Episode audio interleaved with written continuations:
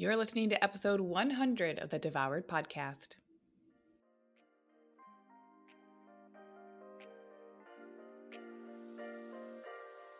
Welcome to Devoured, the podcast for women ready to release the title of Dieter for Good. I'm your host, Lucia Hawley, and I'm a certified nutritional therapy practitioner with my master's in social work, clinical mental health. I've lost 80 pounds and I'm on a mission to get you into the life of your dreams without being the woman who is consumed by diet after diet trying to get there. If you're wanting more in your life and are tired of wondering when or how to make that happen, then this is a podcast for you. You'll learn how to make the radical changes you've only dreamed of 100% possible for you today. I'm so happy you're here. The information provided within this podcast is intended as general education only and is not to be considered a substitute for professional medical advice, diagnosis, or treatment. Hey everyone, welcome to episode 100. Feels like a landmark, a marky mark, a monument mark. It feels like an episode to be thinking about. I've been talking about it on the show. And as I've been talking about it, I've been like, what would be what would be the thing? What would be helpful? What would be interesting? What haven't I covered? Who could I bring on? Etc. Etc while we are in quarantine and while we've been engaging, I think it's been a reckoning, to say the least, for a lot of people who are either coming up to speed or um, are digging deeper or are really feeling their own internal pain that perhaps they have had the privilege of not experiencing up until this point around racial injustice, racial justice, um, and and everything that's been occurring eh, over the, of course, way before the last few weeks, but I think especially because of the bubbling over that we're seeing, especially with media and everything happening since George Floyd's murder in the end of May, and now we're we're only a few weeks past that at the time of this recording. But I think it's important to bring up because I do not want any of the momentum that has been occurring to be lost and even at the time of this recording, I'm recording on June 16th. Even while I'm in my house, right, in my bubble, even as communities are renegotiating how to be in community because of COVID and because of quarantine and staying home and staying safe, even as things are being lifted and certain communities are um, starting to re-engage on in more of a, a physical way regardless, I can tell that, you know, even with all my privileges, that things have slowed down. And I personally don't want that to be happening. And so I'm chatting about it here before I dive into or shift into different content on the podcast because I think it's really important. And I mentioned this on my social media, I mentioned it in my newsletter, but I feel like the most I can do as someone um, who herself is grappling with how to go much deeper, where to have conversations, um, how to be engaged in the long term and not just uh, feel burnt out because of my own privilege or guilt or shame that can be wrapped up in that privilege, um, which is part of my own story. I feel like what I can say or the calling to that I can offer in terms of racial justice and um, truly like being committed to being anti racist is asking for anyone who's listening to this podcast do you have a plan? Do you feel like you can carve out time and honor that in yourself if you feel aligned to be doing that, to be creating a plan for yourself? What will it look like? Not only, listen, you listen to this podcast, you know we talk about the logical left brain, the emotional right brain. Are you able to take some time, just like we look at our food and nutrition, our relationship with food, relationship with our weight, our relationship with our bodies and ourselves, right? How diet culture loves to make that very logical. And we just know, we know it isn't only logical. Otherwise, no one would be having these conversations, right? It's emotional to be talking about your weight. It's emotional to be talking about the food that you go to when you're happy, when you're sad, when you're neutral. So, how do we move through that? We start to create a plan that not only embraces our logic right? The stuff that we can write down on paper, but that also starts to wake up and perk up our emotional brain, that right side of our brain, so that we have this strong plan that truly and more fully encompasses our needs as a human, as an individual, right? So, with that same thought, with that same idea of how a plan can serve us in the long term when it comes to our wellness and our relationship with ourselves and our relationship with our wellness. Let's get meta.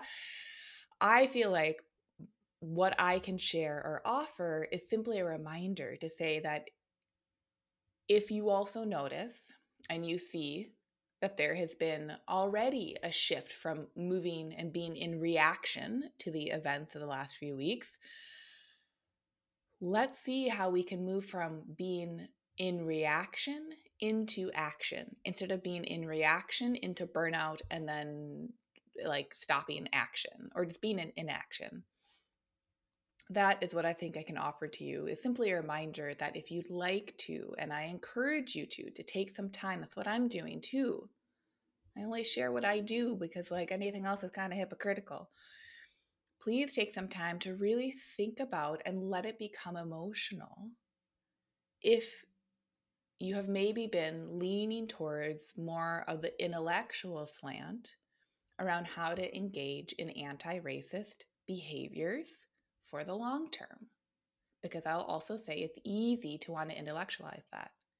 It's easy just to say, okay, I'll read this book, I'll do that, I'll take this course, I'll do this, I'll donate there, and then I'm done, clean, right? Oh, it's going to be much messier. And it feels messy because our emotional brains throw in a little bit eh, like fewer predictable tangents on that plan, truly. But what if that's okay? You know, what if being in an action in the long term? It's like we can't, we can't, let me just put it this way we can't be diety about being anti racist. we really can't because the diet plan is going to be like, do it hard, do it for three to six weeks, and then either you're going to fall off because it was too hard or you did it. And then you're going to be so relieved that you did it and it's done that you're going to stop, right? It's like a no win situation. Very few times are there reasons to only engage in the reaction? And here's the other thing for anyone who's listening to this episode or to this whole show, and you also, like me, feel like you're seeing some really fascinating lenses on the wellness world, on the uh, spiritual mindset world, um, and and you're engaged in those worlds in different capacities, whether it's just following accounts on social media or you're in different courses or uh, you follow different leaders of big voices in those fields. I want you to get really curious about any voices that really only speak to the intellectual or to the feeling without the action. Because the action will be emotional, and emotions can tend to feel messy, but messy is not bad emotions are not bad, right? They simply are.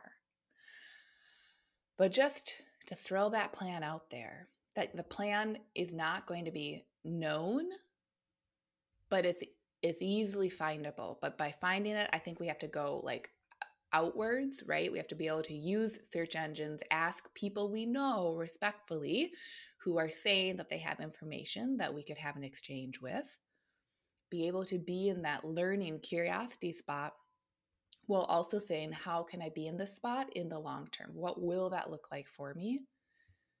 And I want you to know if you listen to this podcast and you like what you listen to, it really is it's I I believe it's a similar intention to moving beyond diets and moving beyond the short term and into the long term. I think because I feel it personally. I feel that that long-term action it can't be what burns you out it might encourage you to become more resilient right if you feel burnt out reading one sentence about how to uh, how to engage in these conversations okay then part of the plan might be to be building more resilience what does that look like for me anyway i really wanted to like put some time to that because these conversations are going to be clunky and they god damn it, have to be. Because that's how we move out of being reactionary, out of being like a perfectionist into action, into the long term. So think about WTF is my plan. How will I respect my time enough?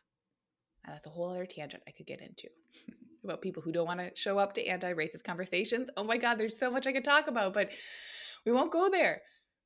I'm already 10 minutes in. Just think about what is my plan? And am I, am I allowing myself enough space to make the plan and pursue the plan? Because that is life changing and it's sobering. And that's a very powerful combination. Okay, so welcome to episode 100. now that we're thinking about our plans in that right, here's what I want to offer you today. As I was thinking about episode 100, I also recognize like it's it's a it's a heightened time for a lot of people and um as I took an index of the last 100 episodes of the show, gosh, it's been such a beautiful arc of information. Like the Devoured podcast started as the Essential Omnivore podcast. I don't know if new listeners knew that. It started off as, and it still fits into this, but it started off as a storytelling podcast. I brought on a, every other episode was a guest for the first, hmm, maybe two thirds of the shows. Every other episode was a guest. And my biggest questions were always what is your idea of health? What is your idea of happiness? And what is your favorite word? After we learn their stories, right? And so that intention is what I'm bringing through as we shifted over to devoured to more more fully encompass the area that we are starting to truly be in. Essential Omnivore was my recipe website, and it's still there, it's still active, essentialomnivore.com. But I really shifted my attention over into well, shoot, what are our actual intentions with our food? Right? If I'm just a paleo perfectionist, and if I just feel like I have to be perfect, all the time. Isn't that just another diet? What is actually a liberatory experience with food? And from there, what is a liberatory experience with weight loss? Can we not have that? Right?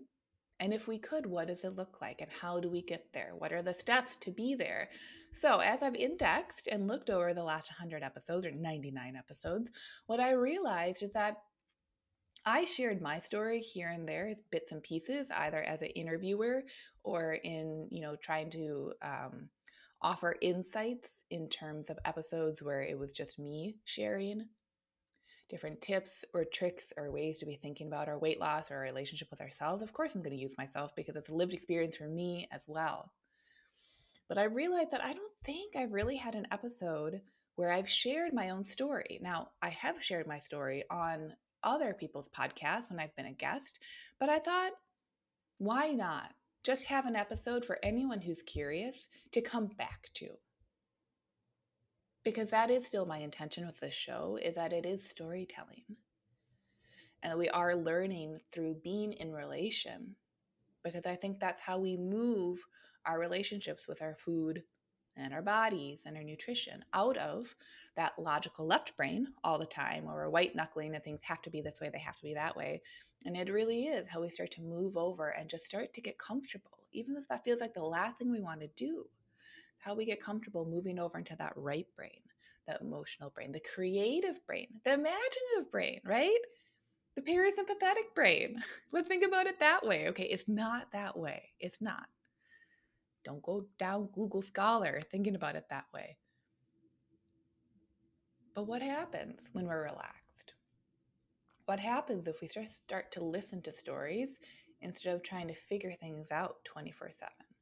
Instead of trying to be that paleo perfectionist or that gluten free whatever, or any label, any big identity that we have around ourselves and how we can or can't lose weight. What happens if we simply just get to be and we get to listen to stories and then to our own stories. So, why not share my story?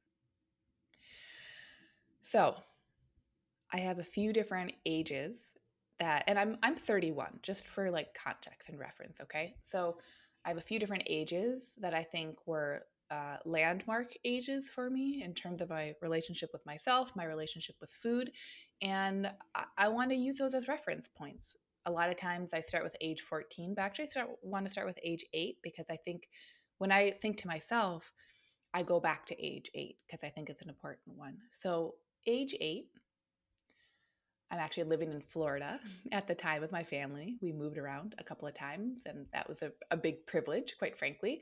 So we're living in Florida at the time. And age eight is truly the age where I start to feel different than both my siblings. I have a brother and a sister, and my peers, right? Just like other kids my age, I start to feel different because I start to feel like my body looks different. And I start to hear messages in marketing all around me that what is different about my body is wrong and bad. And what is that? I have a little belly when I'm eight years old. This is important because this is really the first time in my life and a lot of what we do in lean and liberated let me just come back to the present moment for a minute a lot of what we do in lean and liberated is that we unpack stories in a really safe container we unpack the stories around what we believe to be true as adults that probably and potentially that truth that we believe probably came from a story way back when and if we can at least bring recognition into that story, then we can start to say, like, would I like to continue to hold this story? Would I like to continue to have it on my shoulders as I move through my life? Or would I like to allow to release it, even if there's grief that comes with that, even if it is doesn't feel like it that could possibly be? Would I like to explore that avenue?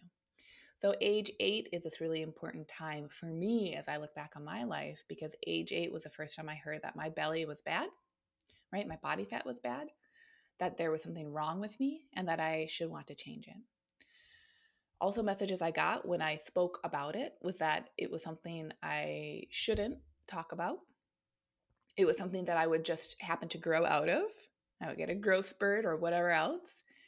Or I also started to get messages that I was big boned and that this was just something that was me and it was different, but there was no emotional uh, support around any of these stories. So, age eight, I started to feel different. Age 11, man, this stuff is emotional. I don't think I'm going to be crying on this show, but it is really interesting just bringing myself back to those different ages. Age eight, I feel different. Age 11, I feel lonely. And age 11 is really where I, I both had the self awareness, but it was also what was offered to me too. Age 11, I believe, really is but you know i'm lonely lonely there's some other stuff i had a wonderful childhood so let me put that into this context too but i had emotional needs that as i look back they weren't being met and so age 11 was really the time where i started to use f- food as a coping mechanism but truly as a tool to comfort myself and even that was a privilege. I had amazing food access. We had a beautifully stocked kitchen. Um, but I would start to sneak food. I would walk into the kitchen because of the stories around my body and how it looked, and the stories around, well, you shouldn't eat so much, or, well, you know, because of how you eat is how you look, which felt very confounding at the time because I had two siblings who ate more than I did perhaps only at meals, but ate more than I did and were little twigs, right? Things did not feel like they made sense. And so, in order to offer myself comfort, I offered myself food. And not only during meal times, but I offered myself food as a way to bring solace into my emotional experience. And that felt very personal. So I would eat food by myself. And it wasn't extreme in this context. Let me add that in as well. But it was happening and it was there. And again, I think that that part is important because usually when I share my story, I start with the next age, which is about age 14, maybe 13, 14, where I actually went on my first diet for the first time. So leading up to age 13, 14, I had never gone on diets. You know, like even though there was this major cultural story around my body and it felt overwhelming even when i was leaning on food as a way to bring comfort and solace to myself which let me say now i think was a huge strength i never really i never really felt um, frustrated with myself for that because i just feel like it was the tool that i could reach for and even as like a kid Listen, I was a kid who like wanted to be an adult. like when I was 11, I was like, cool, I can't wait. Like I would just have the most fun thinking about decorating like my first apartment. I loved that stuff. Okay. I was always kind of the kid who was like a little more thinky, a little bit less like gonna go, you know, swing around in trees and go run around and play. So, age 13, 14, I was put on a diet by my parents and I think they joined me for a while because they wanted to support me. And it was the Atkins diet. And I also share this. This is where I offer this information. A lot of podcasts that I'm on now as a guest. I share this because I think it's also important.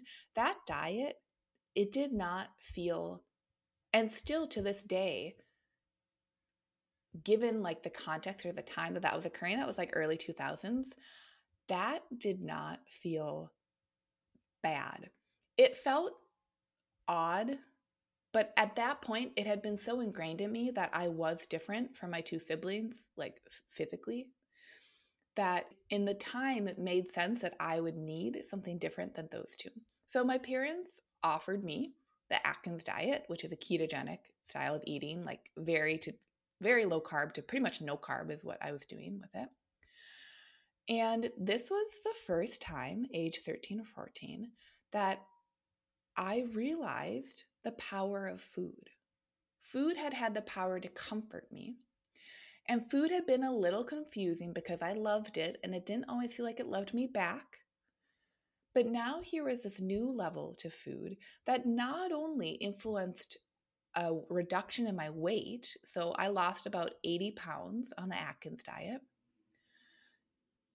it not only influenced my body weight, but this time was a beautiful reckoning for me, quite frankly, because it was one of the first times, if not the like first longest period of time, where I recognized that my body wasn't just the weight, it wasn't just how it looked. I also felt better while my body was losing that weight. And in our society, we love to make it out that like when you lose weight, then you feel better. And we make that to be about the weight. I really believe that weight is like pretty damn secondary to a lot of things. Like, yeah, if we lose weight, like that is happening. Okay, let's talk about it. Let's not not talk about it, which happens a lot these days. But there are other effects happening, which now we know have to do with the gut biome, right? Our blood sugar regulation, our mineral balance, like nutrients that are coming in or not coming in, our neurotransmitters, serotonin production. We have so much more information than we did when I was that age. Regardless, I was on the Atkins diet and it kind of felt liberating. I felt like I finally, and it didn't feel like I was white knuckling through it.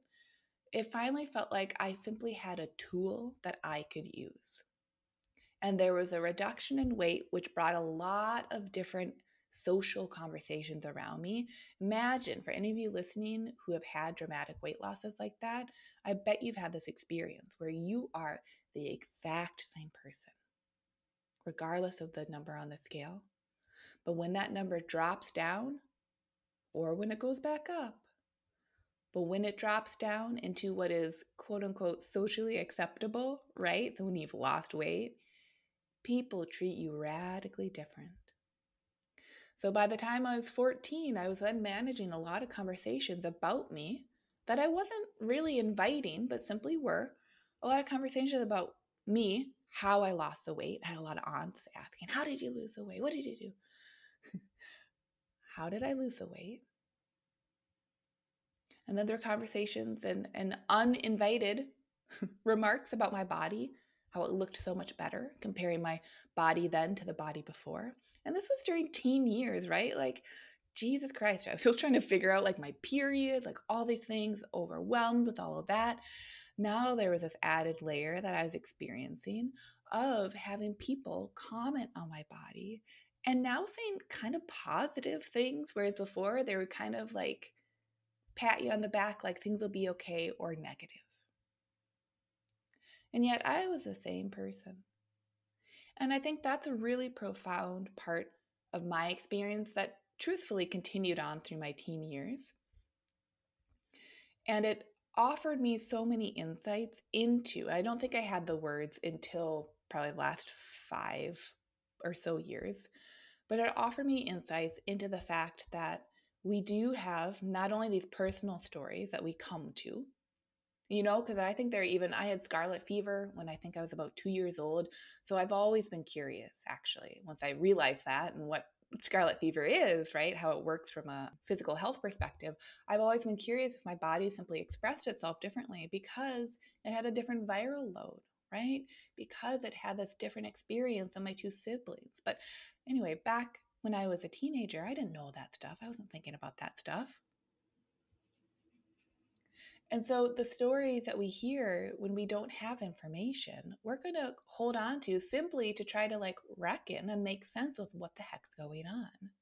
So the story was my body was different, it needed different stuff, and now it looked cuter than it looked before. And like that's a subject for a whole other conversation, okay?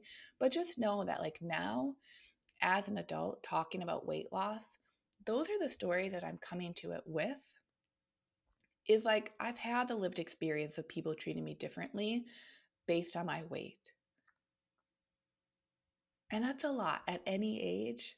That's a lot. But it, it just, if, if, if your eyes are open to it, it shows you a lot about other people's psyches. And it shows you so much about how they're moving through their lives, what they're paying attention to, what matters to them, how they're judging themselves. a lot of people just talk. a lot of people don't have filters. So, age 14 ish was when I was having that major weight loss. Things were shifting for me. And then let me uh, fast forward to about age 18. So, after that bigger weight loss, I then regained some weight because I didn't stay on the keto slash Atkins diet. Um, and my senior year of high school, I actually had some experiences the summer before. I had some experiences with what I now know are blood sugar crashes. But at the time, I had some experiences where when I'd eat more refined carbohydrates, right, after I reintroduced them over the, the couple of years after being 14, I had some experiences with refined carbohydrates where I just felt horrible after eating them. I didn't feel satisfied. And then I would overeat them like bowls and bowls and bowls of pasta. that was a, a, major experience for me at a cousin's cabin one year. All this pasta salad that I could eat, where I was like, I know I should be full, but I'm not. WTF is going on? Oh my God. Only thing I can do right now is take a three hour nap. Anyway, so there is this, again, level of reckoning with food that I didn't have the words for, but I had the lived experience with. So when I was 18, actually, when I was 17, I chose not to eat refined sugar for a year. And I didn't know what being gluten free was. I didn't know that stuff. I just knew when I ate more refined sugar, I didn't feel so good. And at that point, my goal was to feel good. Because also, guess what? Through my teen years, I was a kid, I began to experience quite a bit of chronic pain when I was 16. I actually wanted to be a violinist. Like I, I didn't expect to go into nutrition or to be having these conversations around nutrition. I loved music. I was a great violin player. It was a beautiful time for me. I'd get into this meditative state. I loved the violin. And then I had this chronic pain that came up that really um, shifted how I could relate to music or to playing the violin. And so I stopped. So I also had this um, grieving in my teen years around that relationship, right? So Anyway, when I was about 17, I took a year off of eating refined sugar and it felt like a no brainer. Let me put that out there too, right? It didn't, all this stuff, it didn't feel like these big, scary, weird food rules. And I know that that can be the, the, the, um, experience for so many people is that they start a diet and then it leads into diet after diet after diet.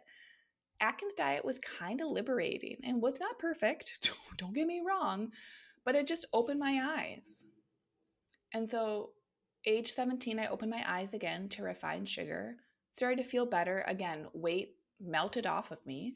I got a lot of comments around that. Ooh, becoming an adult, having those conversations was something else to be holding, um, especially in high school. Man,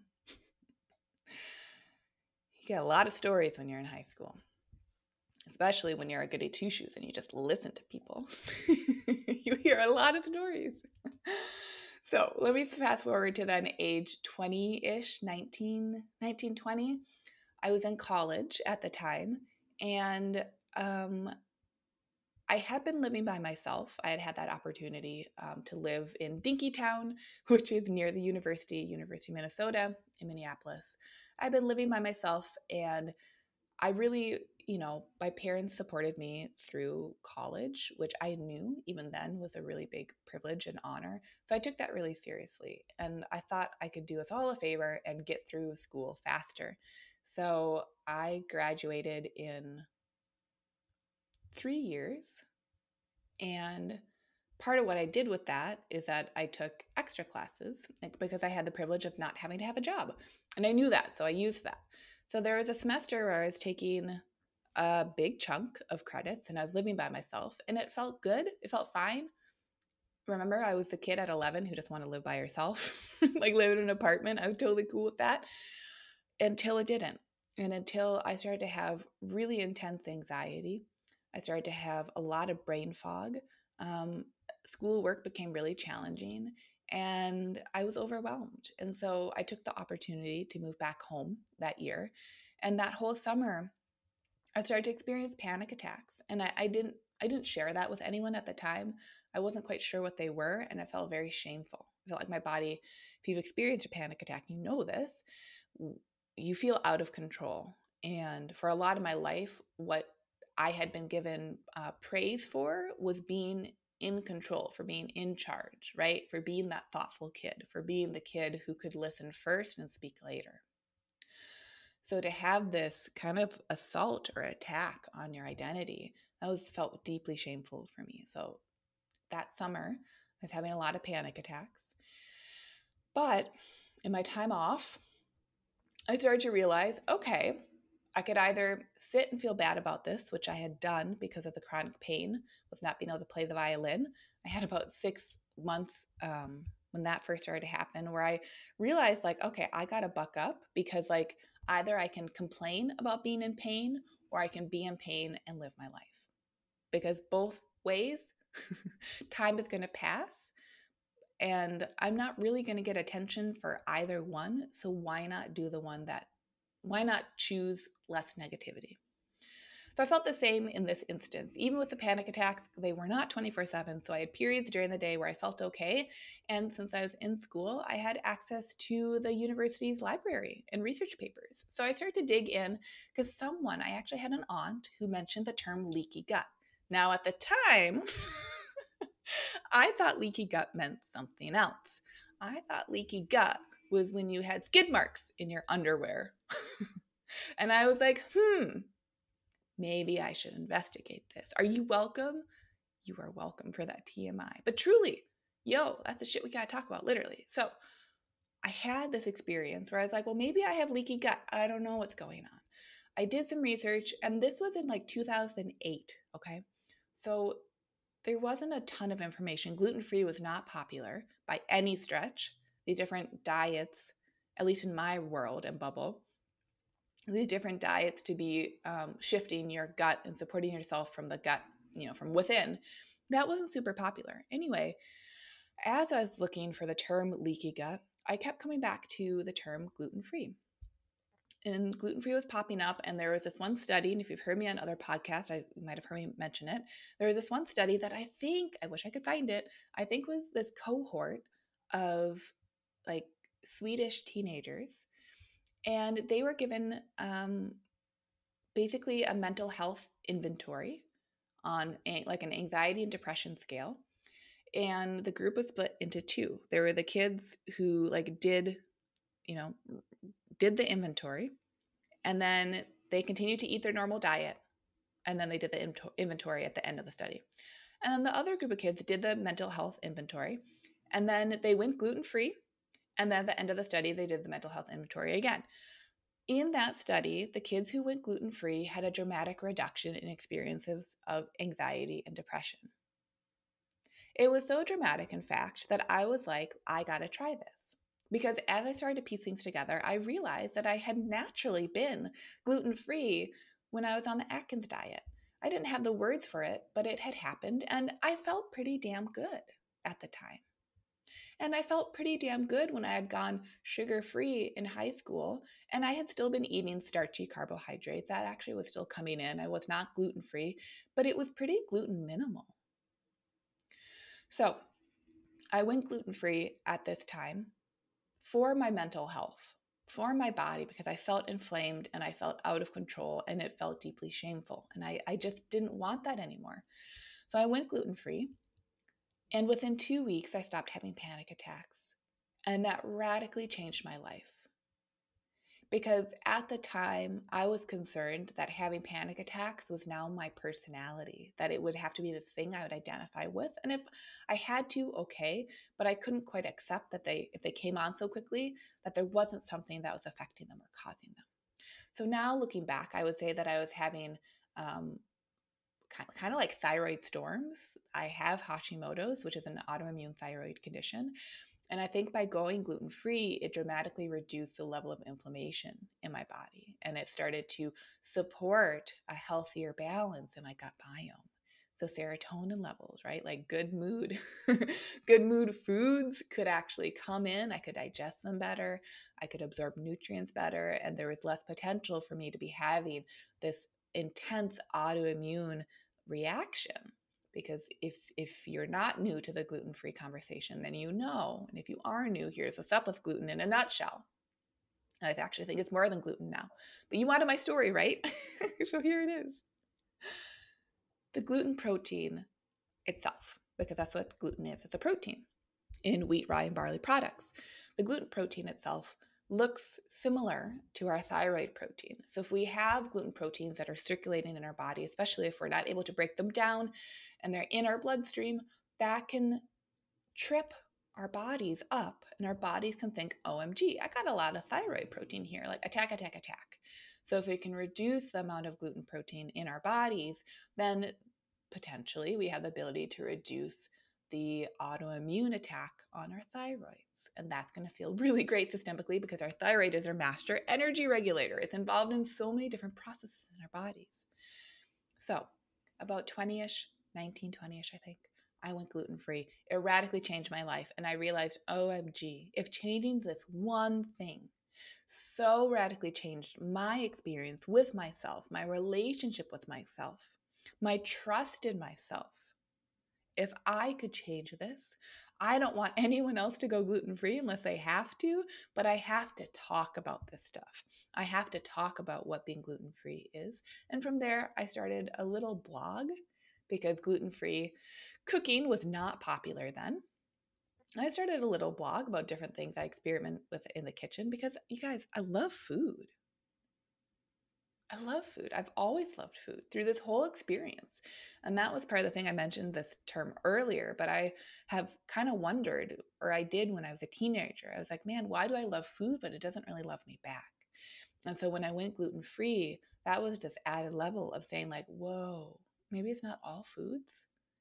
Maybe it was just kind of this one thing that was difficult for my body. So if I reduce the noise, I turn the dial down on the noise, then I have this potential to have this more grounded relationship with my food and my food choices. And it never came from a place of restriction. It truly felt, right? If you're someone who has had this experience with food, let's say you go dairy free or you go gluten free, you've had these big, these big, um, expressions or these big challenges with your health and then there's this one tweak when that happens, that is a form of liberation because it just shows that there's these levels of what's happening. Anyway, so I went gluten free. And then from there became a nutritional therapy practitioner. I started seeing clients when I was about 26-ish. And from there, and now I know I'm like bopping over a lot of years, but from there, what I've really noticed and why I work with women on their relationship with their weight and losing weight if they would so like to, if they choose to, which now you got like everyone. I keep saying you guys, but everyone. It's really fascinating being on social media these days because there's a lot of um, there's a lot of challenging, which I think is good. There's a lot of challenging against any message that promotes weight loss.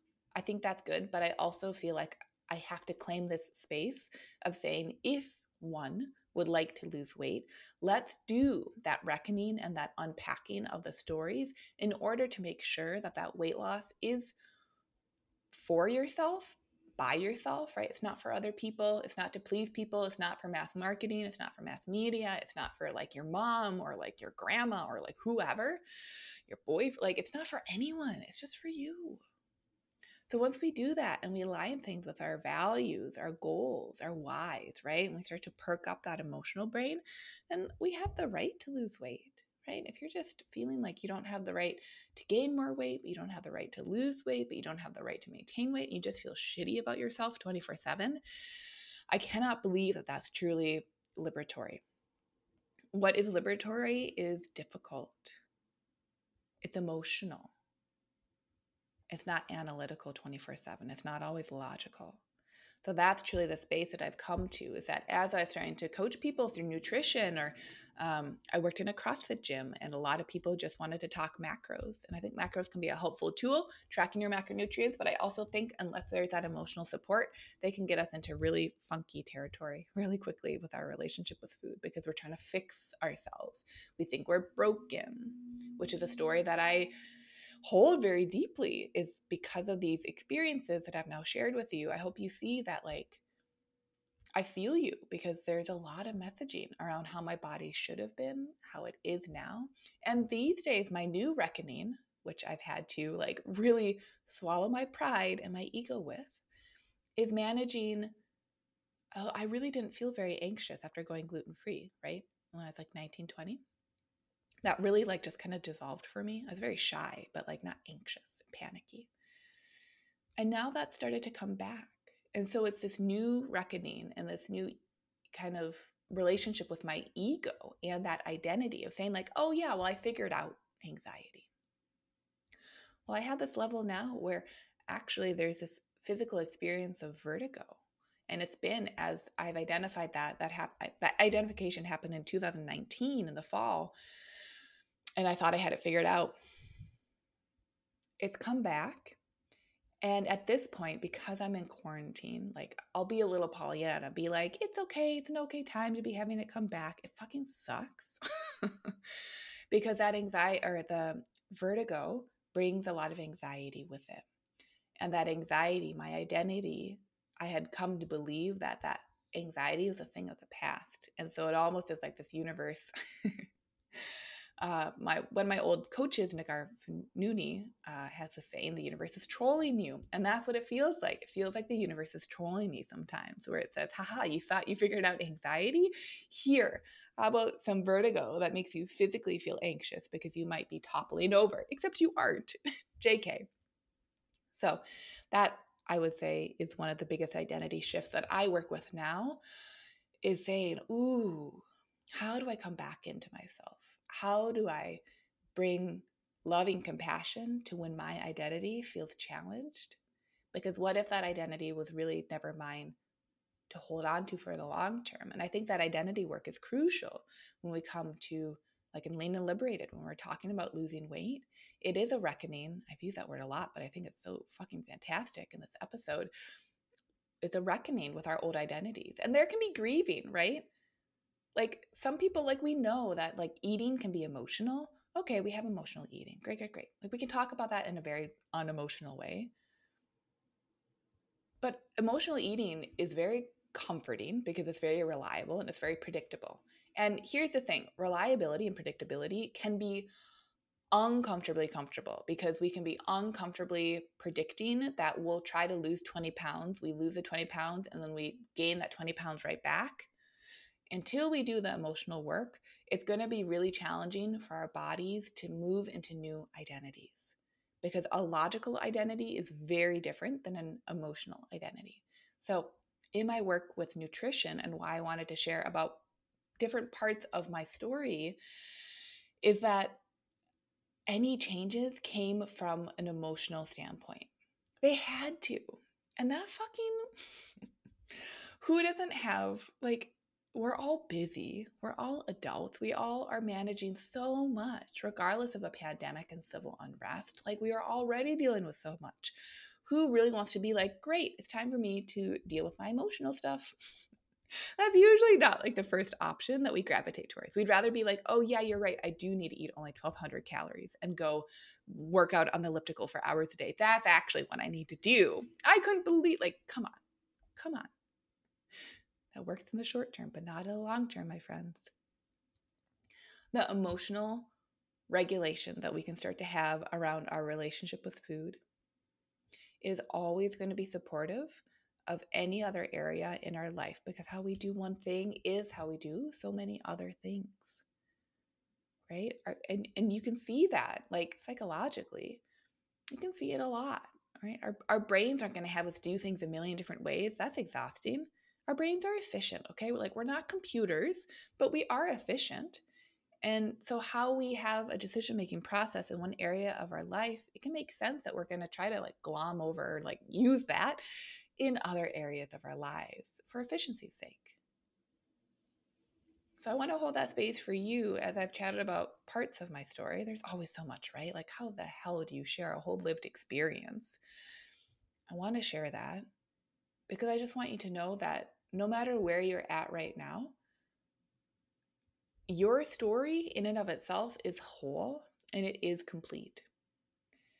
And so often in our health and wellness conversations, like collectively, like not on this podcast necessarily, but like kind of conventional health and wellness conversations, we really like to disassociate from how we've gotten to the present moment.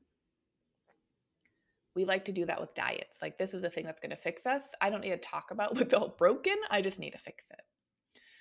So, when we're looking at to me, truly making a liberatory experience with food and nutrition, what we're actually showing ourselves is that we were never broken. There was never anything wrong, right? What I was eating for comfort, especially around like age 11 when I felt so lonely for so many different reasons, that was the tool that I had available to me. And I might not have known it then, but now as an adult, it feels a lot, not even easier. It feels a lot more compassionate to look back on that 11 year old and be like, wow, you did a really good job.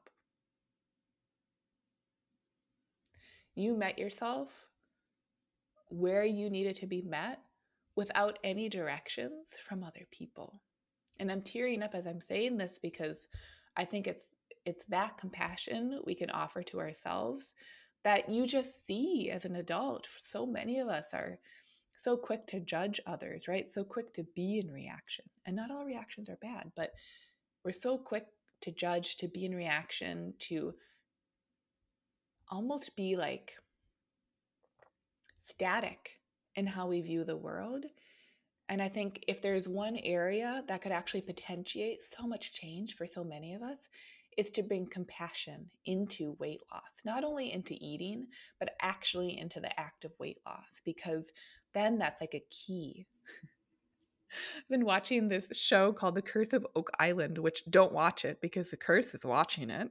it's all these guys in Nova Scotia trying to find treasure. Like like literally, it's all guys. I think there have been like two women on the show. I'm trying to find this like buried treasure anyway. So I'm just thinking of like the you know the pirates' chest, the treasure chest that they always show the little breaks when they're recapping things. But it's like putting a key into treasure chest and opening up that treasure chest and seeing that like there is so much we can do when we come from a place of compassion and when we come from a place of honoring every damn piece of our story. And that doesn't mean that every damn piece of our story like that we have to go into all of it in order to like potentiate change and transformation but what I want to share with this episode, and I can't believe it's almost 50 minutes long. Oh my gosh. What I want to share is that compassion will never break you. And so often in our modern world of dieting, we don't do the emotional piece because we've learned from society that to be emotional or to be compassionate around ourselves will mean that we'll just eat buckets of ice cream until we puke, right? we know how to manage compassion. We truly do. And actually, we get to play and practice that. That's what we do in Lean and Liberated. if you think it's just like quick weight loss all the time, like you are wrong, my friend. That might not be good marketing, but you're wrong. We're learning how to be compassionate with ourselves, how to become self aware, and how to integrate foods that work for us. And that doesn't mean always choosing the salad, right? That doesn't mean always clearing your plate. That doesn't mean never having a second portion. It means that we're in that gray area that we learn from society is so overwhelming. No, the gray area was never overwhelming. It was that lack of trust that we learned at some point in our lives. You can trust yourself, and you can trust your compassion, and you can trust that you can hold and honor any emotion that comes up. And I say that to you as someone who manages anxiety and some panickiness, even now. I say that being like, man, I would love for it to not be in my identity, to not experience anxiety and panic, but I do. And so I'm here to tell you as I ride the waves of anxiousness and panickiness, right? Those big emotions. I say that very humbly that you can be with any feeling. You can ride through those feelings and they're not going to be too big for you. Your body doesn't make feelings that are too big or too overwhelming, so you can be with them. And once we start to dip our toe into being with them, there's really beautiful insight that we can learn from that because that is the human experience. Who knew that just trying to white knuckle through another paleo diet might invite these conversations? But that's exactly why we have them. And that's, I think, exactly why you listen to this podcast. or at least I hope so. You could tell me why you listen to this podcast. It would actually be helpful. but I think that's why you listen to it. So, that's episode 100 is i wanted to share my story. Of course there are a million other areas and directions i could take it and hopefully i will continue to integrate it into podcast episodes because it is relevant. Here's the thing. And as someone me who identifies as a listener even though clearly i talk a lot in my business i talk because i listen and I, I notice i don't always talk about myself or use myself as an example but I want to continue to integrate myself and my own lived experience because I'm so passionate about this for some really good reasons. And I hope now with episode 100 that that has uh, been brought to light or that we've just created some space around that so you can see that because I just honestly want to be your comrade in action. And that's why I shifted this podcast last fall from the Essential Omnivore podcast into the Devoured podcast. Because if you're over there feeling devoured by your food and food choices and messages and marketing and who you were and who you want to be and who you are, blah, blah, blah, blah, if you're feeling overwhelmed by that, I want you to know you got a buddy in that and you're not alone. And like the two of us, we're not alone. There's so many of us that have these conversations and feel like it must just be me that is like so overwhelmed by it. It must just be me who has all these different experiences throughout my life that make it extra challenging for me to do the thing that I say I want to do. I'm going to challenge you on that and say that it was never just you, but that your own experiences are uniquely individual. But if we can start to share these stories and these experiences and ways to move through them with compassion, oh, it's just a beautiful thing. it's such a beautiful thing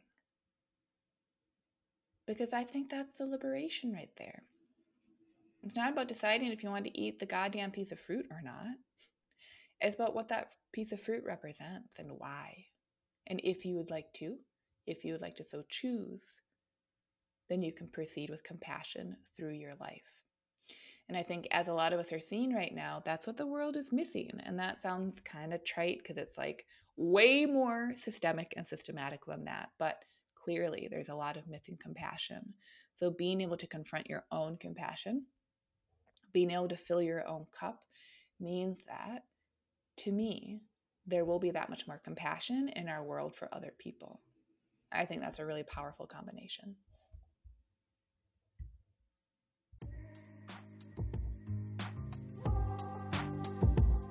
Okay, everyone, that's all for this week. Thank you for listening to this full podcast episode.